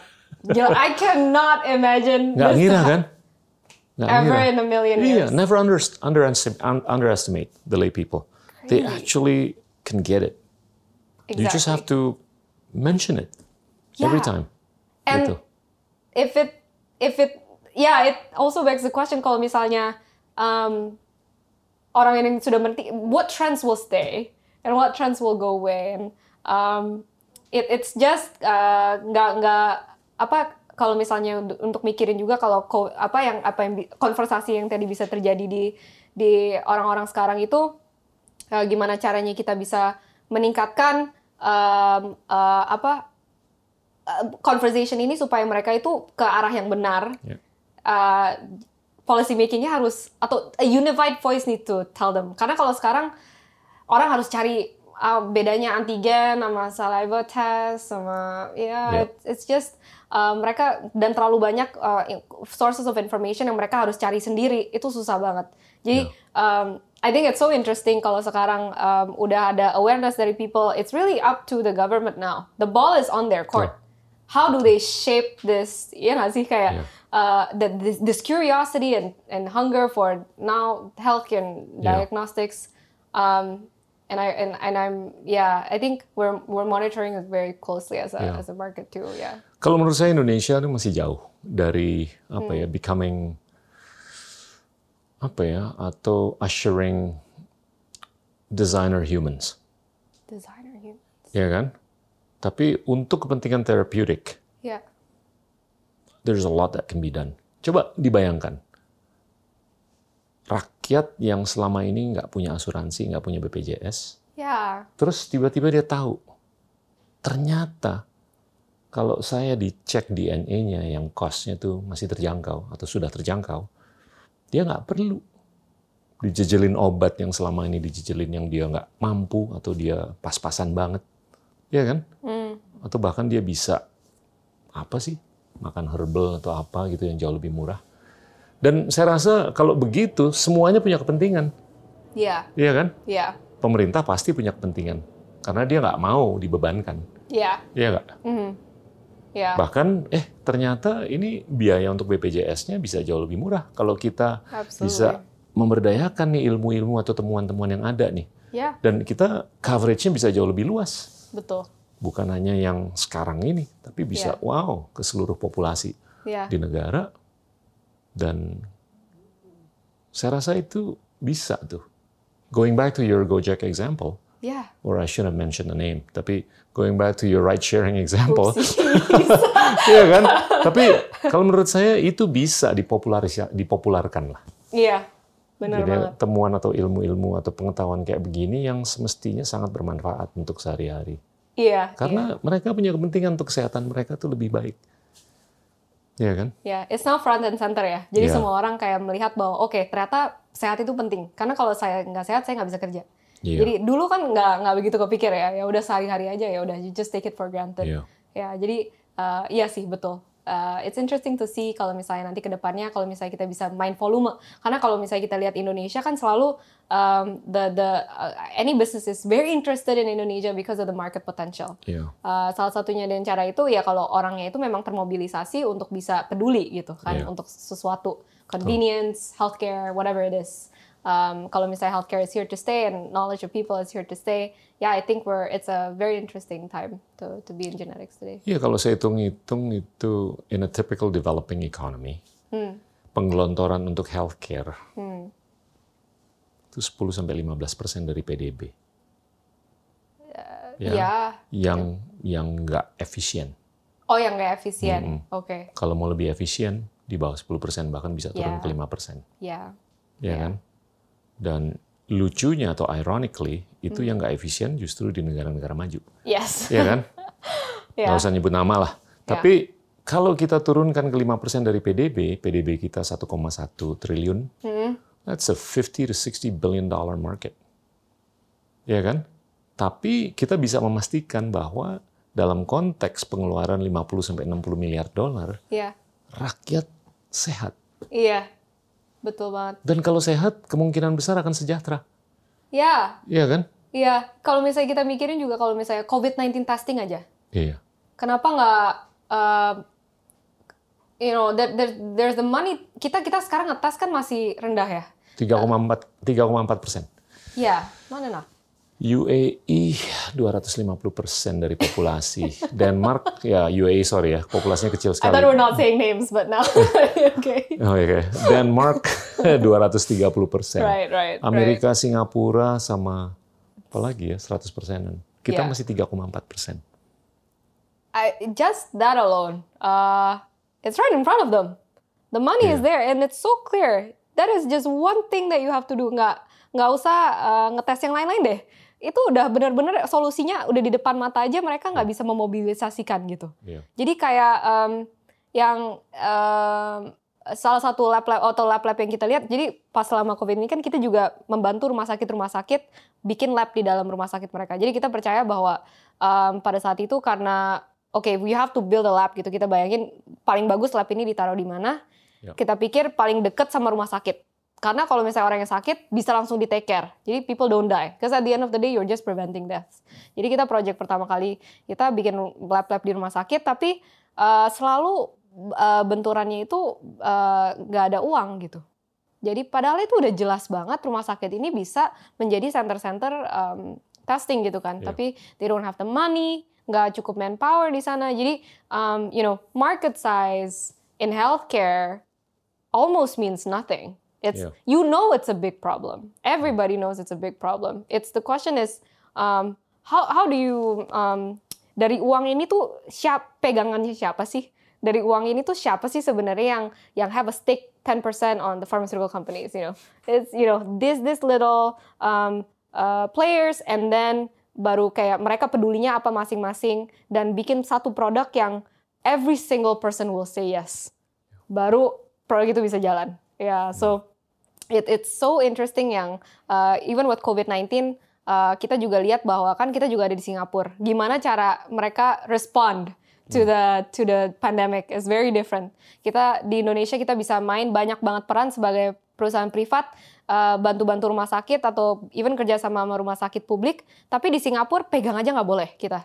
Very very hard to actually do testing karena governmentnya Oh, karena pemerintahnya sangat exactly. berperan. Ya, jadi kita mau kan dulunya kita uh, uh, bikin tes farmakogenetik di Singapura, shut down every single project. You all do for COVID-19 testing. That's it, no questions. Yeah, and it's that type of um, uh, kind of strong hand sometimes. Ya, it it's something that um, uh, it's interesting to see lah, kayak bedanya kayak gimana. Jadi um, I think yang satu salah satu saya juga belajar dari sama masa pandemi ini adalah um, uh, kalau saya lihat perusahaan teknologi lain gitu ya kayak bisa winner in one market, very big market. Um, kalau di healthcare kayaknya harus ada at least exposure to another market karena you never know um, uh, you know uh, opportunity-nya dan the healthcare or payer system in different markets itu uh, bakal bawa opportunity seperti apa. Jadi kayak kalau Singapura tiba-tiba ada grant gitu. Kalau Singapore is very strong in the grant ecosystem, similar with Australia, Yeah. Uh, in the US, right? Kalau Indonesia very strong in the consumer market. Yeah. Um, Thailand very strong in like um, consumer and also um, misalnya uh, uh, tourism market gitu-gitu. Jadi uh, being able to kind of see that is also is also interesting, I guess. Yeah, tapi yeah, payment and science is very cool. Kita bicara deh mengenai vaksin. Okay. Ada I don't know if pandangan? I'm qualified. Nggak apa-apa. Tapi dari sisi apa ya sudut pandang Anda, gimana nih vaksinasi ke depan? Um, in terms of In terms of um, how quickly kita bisa melakukan dan apakah ada cara lain untuk bisa mempercepat atau Ah. apa pun lah. Ini kan kalau saya lihat nih supply constraints, ya kan? Yeah. Bukan demand constraints, Yes. ya kan? The demand is all over. yeah, supply constraints ini cukup luar biasa dan supply-nya tuh datang dari negara-negara maju. Mereka yang punya kapasitas manufaktur kan. Dan mereka juga sudah dan akan terus memprioritaskan dirinya sendiri untuk minimum satu tahun ke depan lah. Mhm. Dan saya nggak ngelihat diplomasi vaksin ini akan berjalan dengan baik. oh, Kecuali mungkin Tiongkok. Dia tuh udah Ah. mulai melempar ke sini kan 40 juta Sinovac dan segalanya. Right, Tapi right. kan di sini ada 270 juta manusia. yeah, yeah, yeah, yeah. Dan saya nggak tahu tuh. Ini bisa panjang ceritanya di sini. Ya, ya, I think um, iya sih setuju banget kalau kayaknya COVID bakal di sini bakal eh, nggak tahu sampai kapan tapi Yeah. iya bakal bakal lama kayaknya. Tapi um, kayak polio gitu kayak lama Iya. banget kan. It's, memang ada beberapa area yang Iya. memang mungkin maybe mungkin bisa kayak gitu juga. Saya juga nggak tahu kayak ke depannya kayak apa. Tapi ya. Ada nggak yang bisa diperankan oleh Nala Genetics? Vaccinations. Untuk menjembatani lah antara di sini yang masih kekurangan, di sini yang kecukupan. Ya, Gitu. em, yang conversation yang kita sebenarnya ada di uh, saat ini itu uh, dari dua sisi. Satu adalah untuk uh, sequencing the virus. Oke. Jadi em, karena mungkin uh, ada beberapa artikel yang udah bilang bahwa ternyata vaksin yang sekarang sudah dibuat itu uh, nggak begitu uh, efektif lagi untuk beberapa strain baru. Jadi mereka harus mulai membuat different type of vaccine um, dan memberikan mungkin ke orang yang cocok gitu ya ke depannya. Jadi uh, genetic sequencing is going to be uh, sangat penting di sana juga. Betul. Terus habis itu dalam sisi keduanya adalah untuk um, tes uh, walaupun orang sudah uh, vaksinasi uh, orang itu harus tetap dites atau rate of testing nggak bisa berhenti. Yang itu yang paling kita takut dalam rumah sakit-rumah sakit juga adalah bahwa oke orang semua mikir mereka akan dapat vaksin tapi mereka udah nggak peduli lagi uh, uh, ya udah kita nggak usah tes lagi. Kita ya udahlah nanti kan uh, akan dapat lagi. Atau uh, mentally speaking they are already udah uh, merasa bahwa the solution is here. Jadi kita nggak Ya. perlu aware lagi. Nah itu yang kayaknya uh, harus digalakan di mana uh, testing untuk PCR atau whatever testing yang kita kita cuma do PCR sih sekarang. Yuk. Uh, itu harus uh, mencari uh, situasi-situasi di mana PCR itu tetap menjadi penting.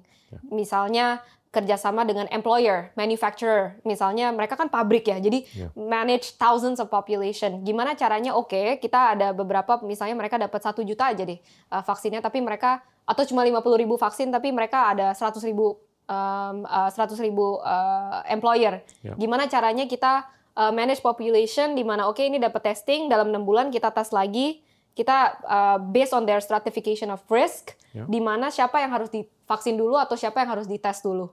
Nah itu kalau um, nggak Betul. mungkin bisa diketahui kalau uh, nggak ada testing, Ya. uh, nggak ada population genetics, which is something that we also care about.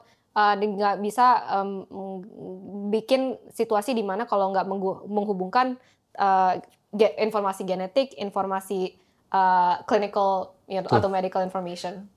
Nah, ini ini kalau kita baca ya, apakah Pfizer, Moderna atau Sinovac atau dan AstraZeneca, efekasinya kan 90-an persen, 90 Ya. sekian lah.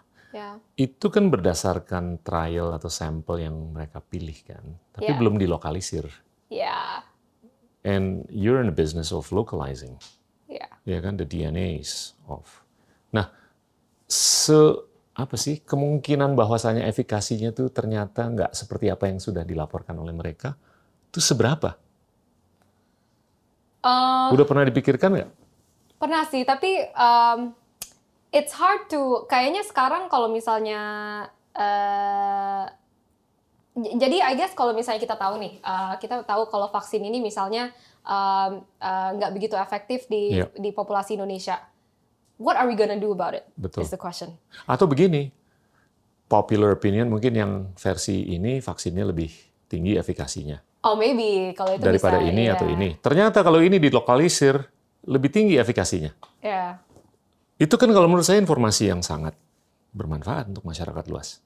Hmm, that will take a lot of data set. Kalau misalnya, gitu? yes, a lot of data sets. Jadi Oke. kita harus bikin clinical trial di mana um, follow these patients. Jadi kita ribuan pasien gitu kita follow, terus habis itu kita uh, sequence everybody.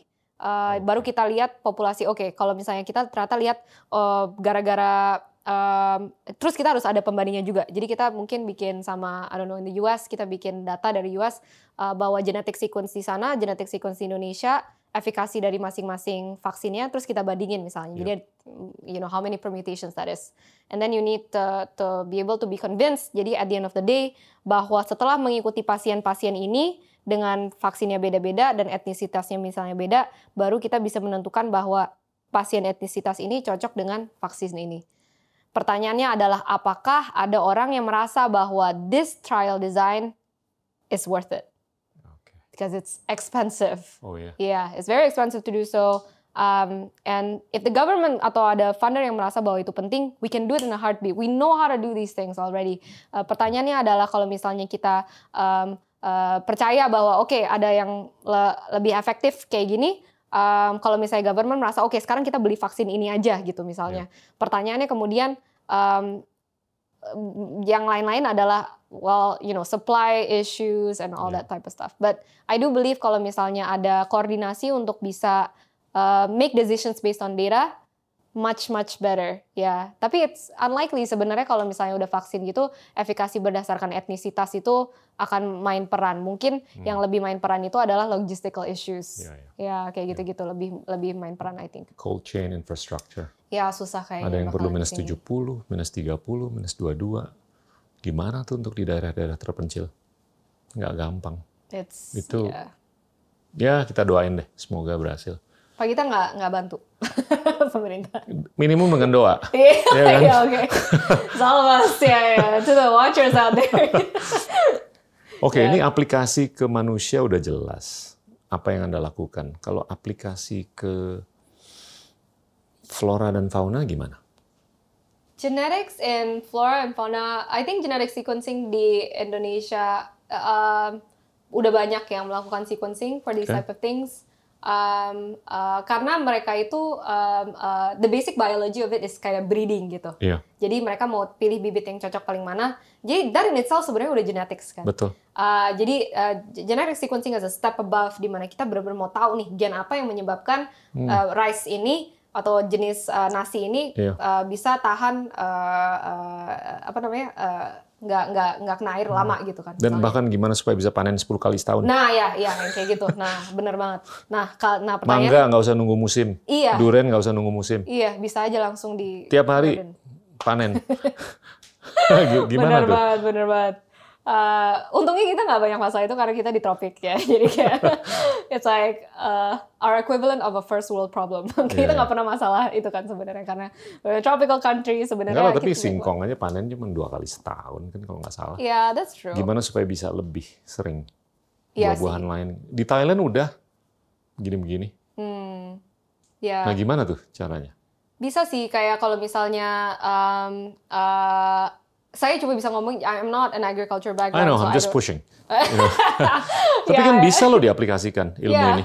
Iya yeah, bisa banget. Banget. Yeah. Mm -mm. I think so. I think um, um, uh, salah satu yang uh, mungkin penting juga untuk di untuk dilihat oleh perusahaan-perusahaan ini adalah kalau misalnya mereka uh, udah choose one type of crop yang bagus, mereka juga bisa memilih different characteristics yang beda. Misalnya uh, mana yang bisa environmentally more friendly you know uh, which crop is is uh, sebenarnya bisa menyebabkan um, uh, uh, ya lebih tahan dan lain sebagainya jadi uh, asal ada keniatan pasti bisa sih pak ini yeah. sequencing technologies is really just selling information at the end of the day yeah. what you do with the information is the the powerful thing kalau misalnya saya nggak tahu ya nanti kalau misalnya udah ada nasinya ini udah ketemu nih dan ini oh. yang paling cocok nah ini mau diapain nih kita mau CRISPR this, this to the to the new vivid uh, nasi or whatever uh, or yeah. or breed for that type of itu sebenarnya uh, bisa jauh makan satu kan? butir beras tapi kenyang.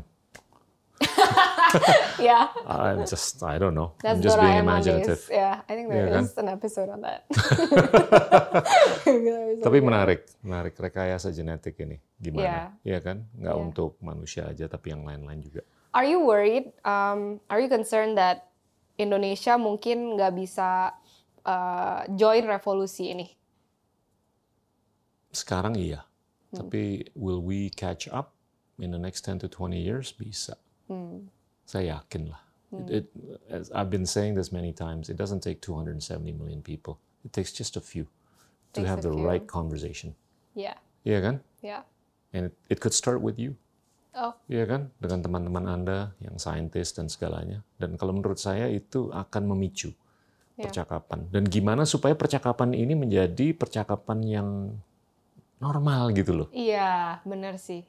Iya kan? Iya. Karena kalau orang dengar begini kan ah gitu kan. Tapi iya. it's it's actually relevant. Betul. Untuk kepentingan sehari-hari loh. Iya. Dan dan gimana kita bisa menarasikan aja. Benar banget ya. I think that storytelling part memang penting banget. You are one of the few storytellers kalau menurut saya.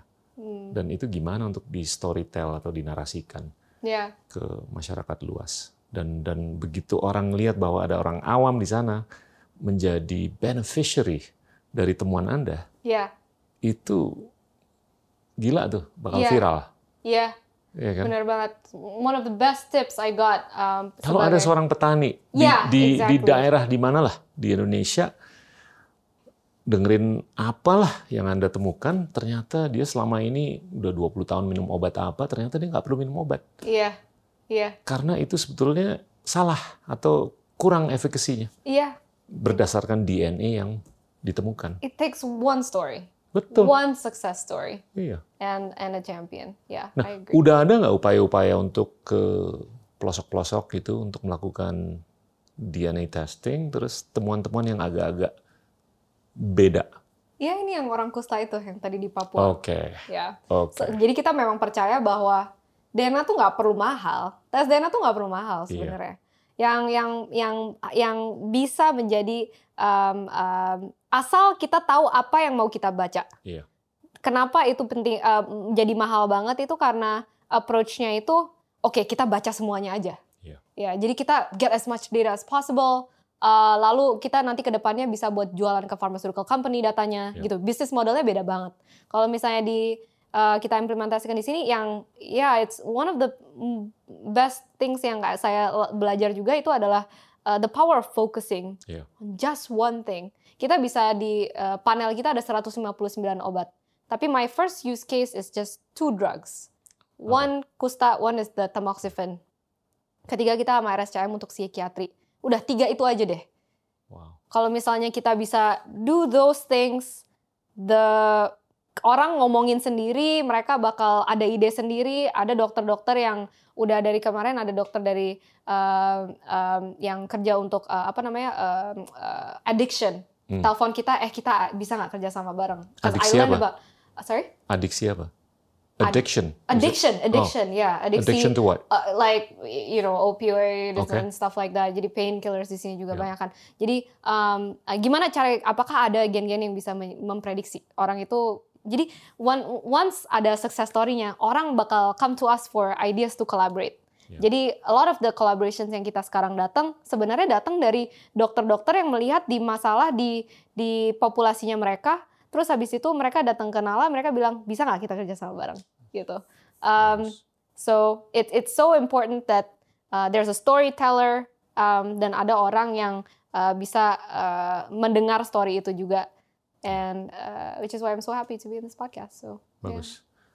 Jangan sampai lah hal-hal kayak gini nggak nggak diplatformkan.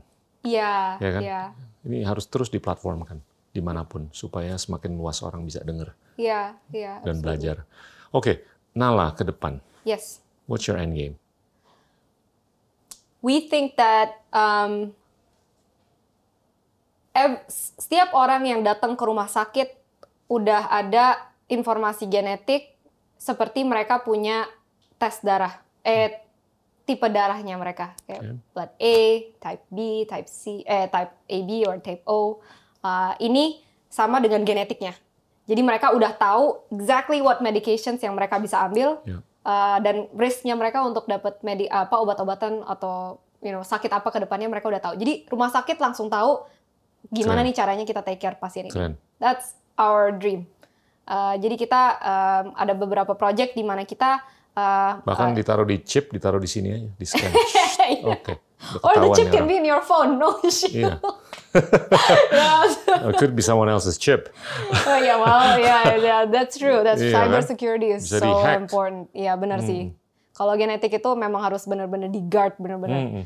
Jadi kita ya it's yeah it's a whole thing on its own. Dan ya hati-hati loh. Banyak orang yang mulia lah untuk mengopen source kan kode-kode atau informasi seperti ini kan. Tapi hard. saya takutnya tuh nanti bisa di bisa dihack juga kan dan Bahaya, disalahgunakan.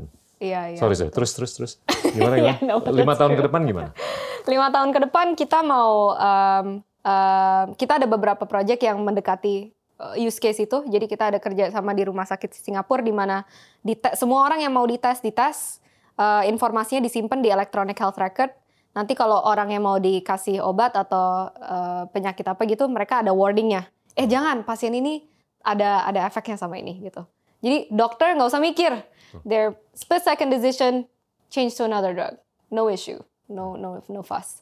Um, that's our goal. Uh, goal. I think eh, di dalam lima tahun ke depan uh, kita mau mengimplementasikan itu di at least um, Southeast Asia, And then um, juga branch out ke ke risk prediction. Jadi kita percaya bahwa kalau misalnya kita bisa prevent satu hal ini yang namanya efek samping obat, kenapa kita nggak bisa prevent hal-hal lain?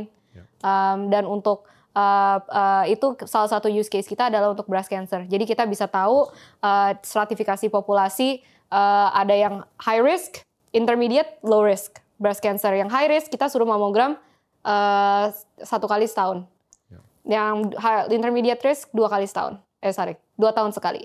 And then yang low risk um, uh, sekali tiga tahun misalnya. Hmm. Jadi untuk melihat apakah uh, this type of intervention bisa. Yang kedua, kita juga tertarik banget sama Parkinson's disease. Yeah. Jadi uh, uh, personally speaking, very passionate about Parkinson's. Kakek saya dulu juga pernah Parkinson's. Jadi uh, gimana kalau kita bisa cek nih orang uh, Parkinson's uh, high risk, terus habis itu kita bisa uh, intervene early. Karena ada beberapa intervention early walaupun belum ada clinical trialnya, banyak perusahaan farmasi yang mau lihat clinical trial apa obat-obat apa yang bisa kita cari untuk uh, pasien-pasien uh, yang akan Parkinson's disease ke depannya. Jadi identifying these things early bisa nggak cuma untuk pasien tapi juga scientific community in general. Yep. Jadi we're doing that type of projects and semoga dalam lima tahun ke depan uh, these projects benar-benar bisa uh, you know there's volume numbers in my head you know the, these things but that's how we measure our impact is that how many lives do we touch how many hospitals do we work with Mention and numbers what are numbers targets? okay how many lives will you be able to oh, touch oh i feel like i'm shooting myself in the foot okay.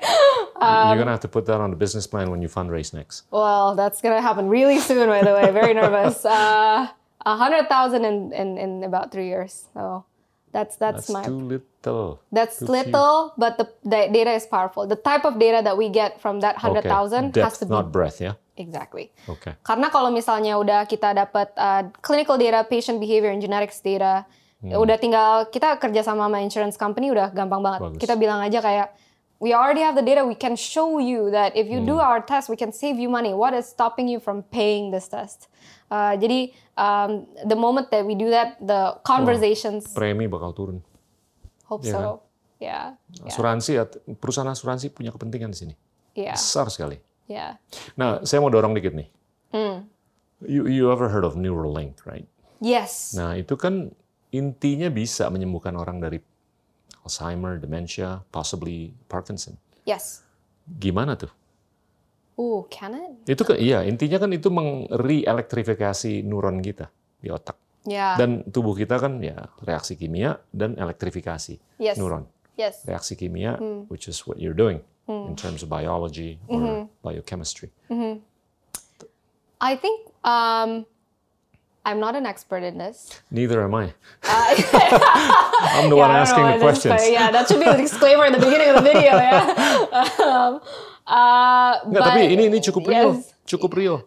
Yeah, I think I think so. I think um, uh, I guess for I think it, it's cool. Um, uh, I think um, the it's such a new technology. Jadi mungkin uh, with, any new technology, I think the the most exciting part is to see teknologi ini tuh sebenarnya paling berguna untuk use case apa. Yeah jadi kalau misalnya Neuralink saya udah dengar uh, atau baca-baca gitu kan dari Elon Musk gitu kan, dia ngomong oh kita bisa record memory as good as a camera. Hmm. That's one of the first use case. Um, is that the most powerful use case compared to hmm. solving I don't know? Uh, no, I, I like the re-electrification of the neurons. Yes, exactly. So uh, depends on that company and uh, mau di mana dan hopefully it's the the electrification of neurons and uh, the brain dulu pas saya di JIS salah satu Genome Institute of Singapore uh, uh, saya kerja sama namanya this Alfred PhD that dia um, tugasnya adalah untuk membuat uh, brain cells di, di petri dish. Jadi itu project saya adalah untuk bikin mini brains supaya kita bisa belajar. Um, and uh, I think uh, kita pada saat itu itu berapa tahun yang lalu ya? Tiga empat tahun yang uh, empat tahun yang lalu uh, sorry. Ya empat empat lima tahun yang lalu kita masih nggak tahu bahkan kita udah bikin nih neuronnya di dalam di dalam um, petri dish. Karakterisasi neuron apa aja kita nggak tahu. Hmm. Jadi we're at still at that stage di mana kita ngerti sel di otak yang mana aja kita nggak gitu tahu. Is this a dopaminergic neuron? Is this a something else? The characterization itu masih kayak uh, we're still unsure itu kayak bisa this type of that type. Jadi kalau misalnya this type of disease or neural link kan benar-benar bisa pinpoint di mana yang harus di electrocute supaya efeknya ke mana, then I think it's it's amazing. Yeah. But it takes some basic science to get there. Absolutely. Yeah, Think. Masih masih cukup preliminar, Ya. tapi kalau menurut saya directionality-nya well Yeah. defined. Yeah. Dan itu kalau menurut saya keren banget kalau untuk kepentingan yang baik dan mulia. Yes. Dan saya pertanyaan saya justru apakah itu akan mendisrupsi apa yang Anda lakukan sebagai disrupsi atau lebih mengkomplimen? Maybe kalau di healthcare uh, disruption jarang banget kelihatan karena if you disruption implies something changes very quickly. Ya. I think in healthcare nothing changes very quickly. um, so Ya. uh, I think it will uh, mungkin disrupt tapi over 50 years. Okay. Yeah, maybe it'll change over time. Uh, tapi um, I don't think it will disrupt in a very traditional sense. Okay. It will um, it will disrupt for a very particular use case misalnya. Yang tadi kalau misalnya orangnya memang pengen untuk satu use case dan mereka fokus banget ke sini, ya itu akan terjadi gitu. Uh, tapi apakah akan disrupt healthcare in general atau um, uh, maybe uh, genetic sequencing in general or um, genetic testing? Mungkin mungkin enggak karena uh, aplikasinya in healthcare sangat-sangat wide gitu, Iya. sangat-sangat luas. Saya saya agak-agak optimis di mana untuk use case yang spesifik itu dua sudut pandang itu akan lebih membaur dengan baik, Oke. nggak akan tabrakan. Ya. Saya ngeliatnya begitu. Ya. Dan tentunya harus dikelola dengan baik. Percakapannya at least dan penelitian juga, Benar ya banget. kan? Iya. Kayaknya penelitiannya itu juga interesting banget di mana sekarang itu di mana penelitian itu nggak cuma selalu nggak bisa cuma satu aja.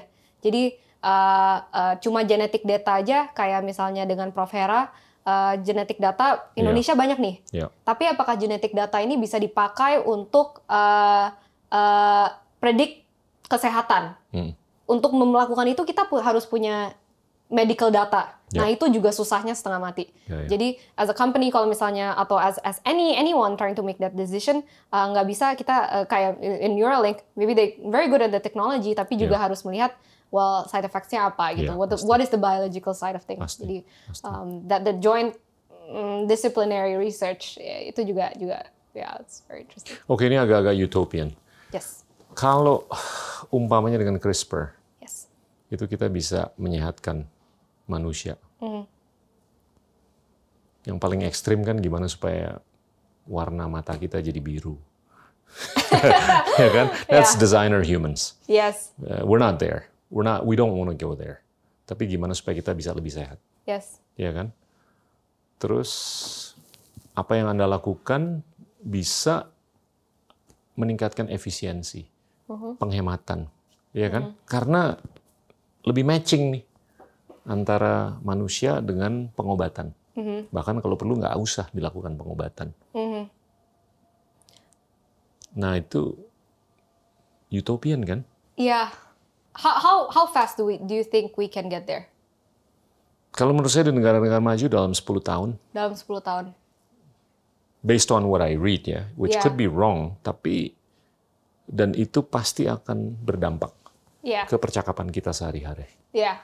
Kita nggak perlu nunggu 10 tahun dari hari ini.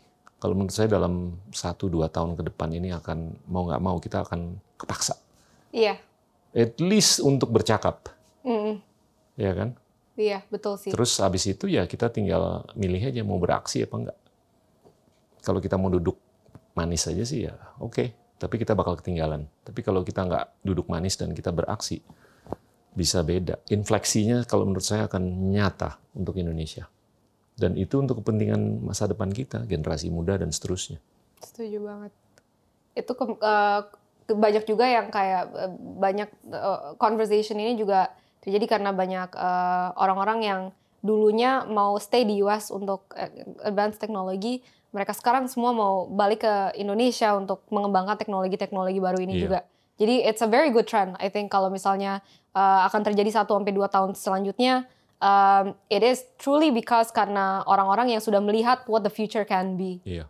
And then they try to implement uh, akan melakukan di sini. Iya. Jadi mungkin dulu mulai dengan uh, you know your big tech companies sekarang kayaknya udah mulai banyak banget uh, teman-teman kayak saya yang yang company-company lain yang memang sudah melihat bahwa uh, ya kalau nggak kita ketinggalan gitu. Iya. Harus we gotta start now uh, or we will never get there. Ya. And I think um, conversation ini juga uh, banyak banget di partner-partner yang kita lihat juga kayak kemarin sebenarnya insurance company. Kita, saya nggak menyangka sebenarnya ada insurance company di Indonesia yang mau bayarin tes kita sekarang, tapi udah ada gitu. Jadi ya jadi kayak mereka um, they may not have all the data at hand, tapi mereka percaya bahwa teknologi dan um, inform making de- decisions based on data um, itu sangat penting. Jadi mereka mau invest ke ke situ dulu deh. Ya. Uh, jadi kalau misalnya ke depannya sebagai partner Nala Genetics di Indonesia itu ada one thing that we can help do is um, uh, always kayak teach um, on what our data set can do, what decision making um, berdasarkan data itu bisa kelihatannya seperti apa sih.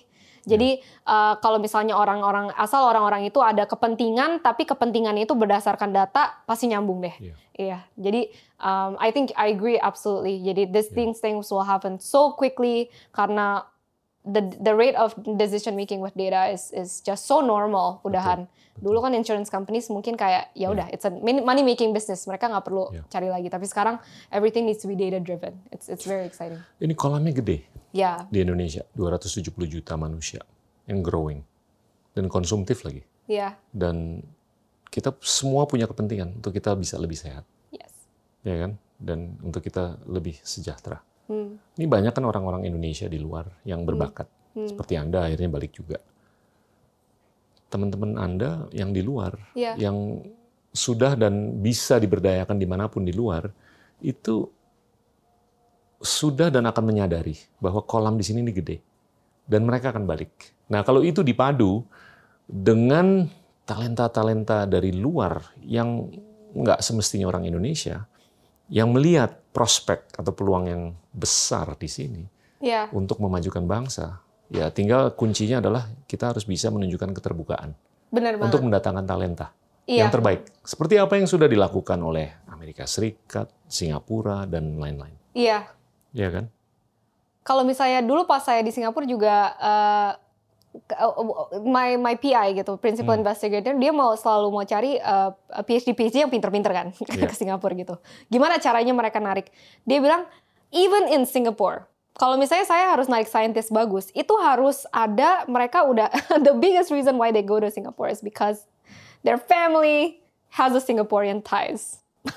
Jadi kayak I think it's so interesting that at the end of the day kayak it's all about the the person making the decision, one person at a time making that decision to uh, benar-benar invest in Indonesia. Either it's because of a personal interest Yeah. atau something like that. Um, tapi yang yang menariknya juga kayak uh, I think infrastructure di Indonesia juga udah mulai uh, terbangun karena ada startup yang udah mulai aneh-aneh gitu kan, Betul. yang udah bilang bahwa oke government gak akan memberikan akses ini, saya aja yang memberikan, Betul. saya akan I'll do my own gitu. Betul. The entrepreneurial spirit here in Indonesia is unmatched. Betul.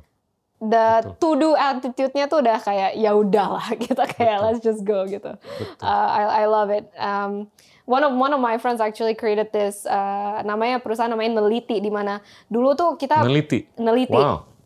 I love it. You should- yeah, the, the, yeah, you could speak to the guy. Jadi dia, Boleh. um, uh, dia orang Australia sebenarnya, tapi um, dia dia pas riset di Indonesia dia merasa bahwa eh kok di Indonesia aja saya mau akses scientific paper aja nggak bisa. Ya. Jadi uh, saya harus bayar tujuh ratus ribu gitu, tiga ratus ribu per kali ya nggak ada orang mau riset lah pasti. To do one research you have to read tens and dozens of papers. Um, jadi gimana caranya kita memberikan open access journals to more and more people. So um, Yeah. saya jadi tertarik banget tentang masalah ini, membuat gimana caranya kita memberikan akses infrastruktur untuk um, scientific publications just for basic scientists, and um, gimana caranya kita menduniakan penemuan yang udah ada di Indonesia itu jadi diindeks sama Google Scholar, diindeks sama Altmetrics, you know, all these like ya bisa bisa dicari sama dunia luar kan.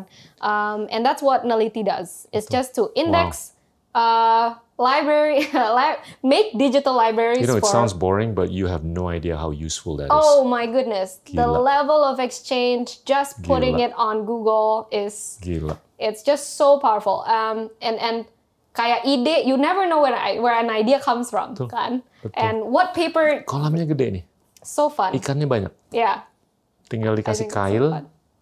terus nelayan-nelayannya bakal datang. Pemancingnya so. bakal datang. Yeah, Gitu. a lot of investors are coming. I'm not worried about that. Jujur, karena likuiditas lagi sangat rampan. Iya, iya, iya. Likuiditas di dunia, khususnya di dunia barat, tuh 100 triliun dolar. Yeah, it's not an issue, isn't it? Iya. Yeah.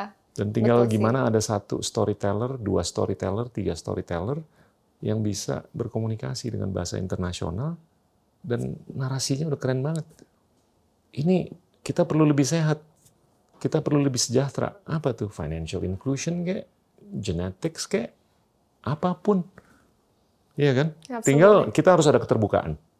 Bukan Betul. hanya terhadap orang-orang Indonesia yang udah kerja di luar atau belajar di luar untuk balik, tapi orang-orang non Indonesia juga Yeah, yang mau bantu.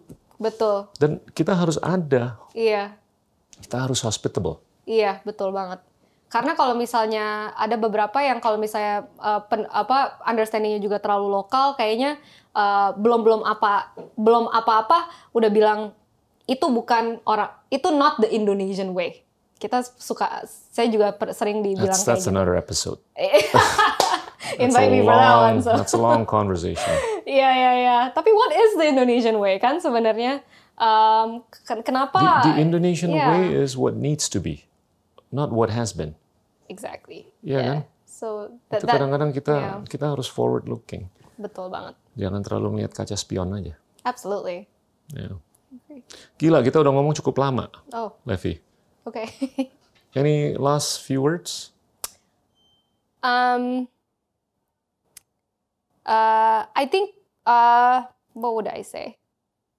I guess um, if genetics, uh, I, think uh, kalau misalnya lebih banyak orang yang akan tertarik di bidang genetics, uh, harapan saya untuk Indonesia adalah uh, orang akan lebih melihat uh, kebenaran.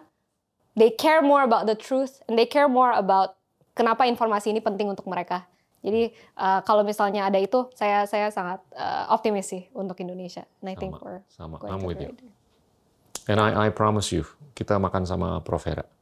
Dan Oh, I'll, wow. I'll also invite Charlene juga. Oh, I think the three of you will have a blast. and I'll just be a bystander. I'm sure we'll include you in with all your CRISPR views and what Indonesia can Yeah. bring. Eh, Saya agak-agak bisa dimarahin sama Prof. Hera nanti. Wah, kayaknya saya dulu yang dimarahin. Aduh, aduh, nggak, nggak. Ya, tapi that be Yeah. so fun. Yeah, Oke. Thank you loh. yeah Levi, of ya. course.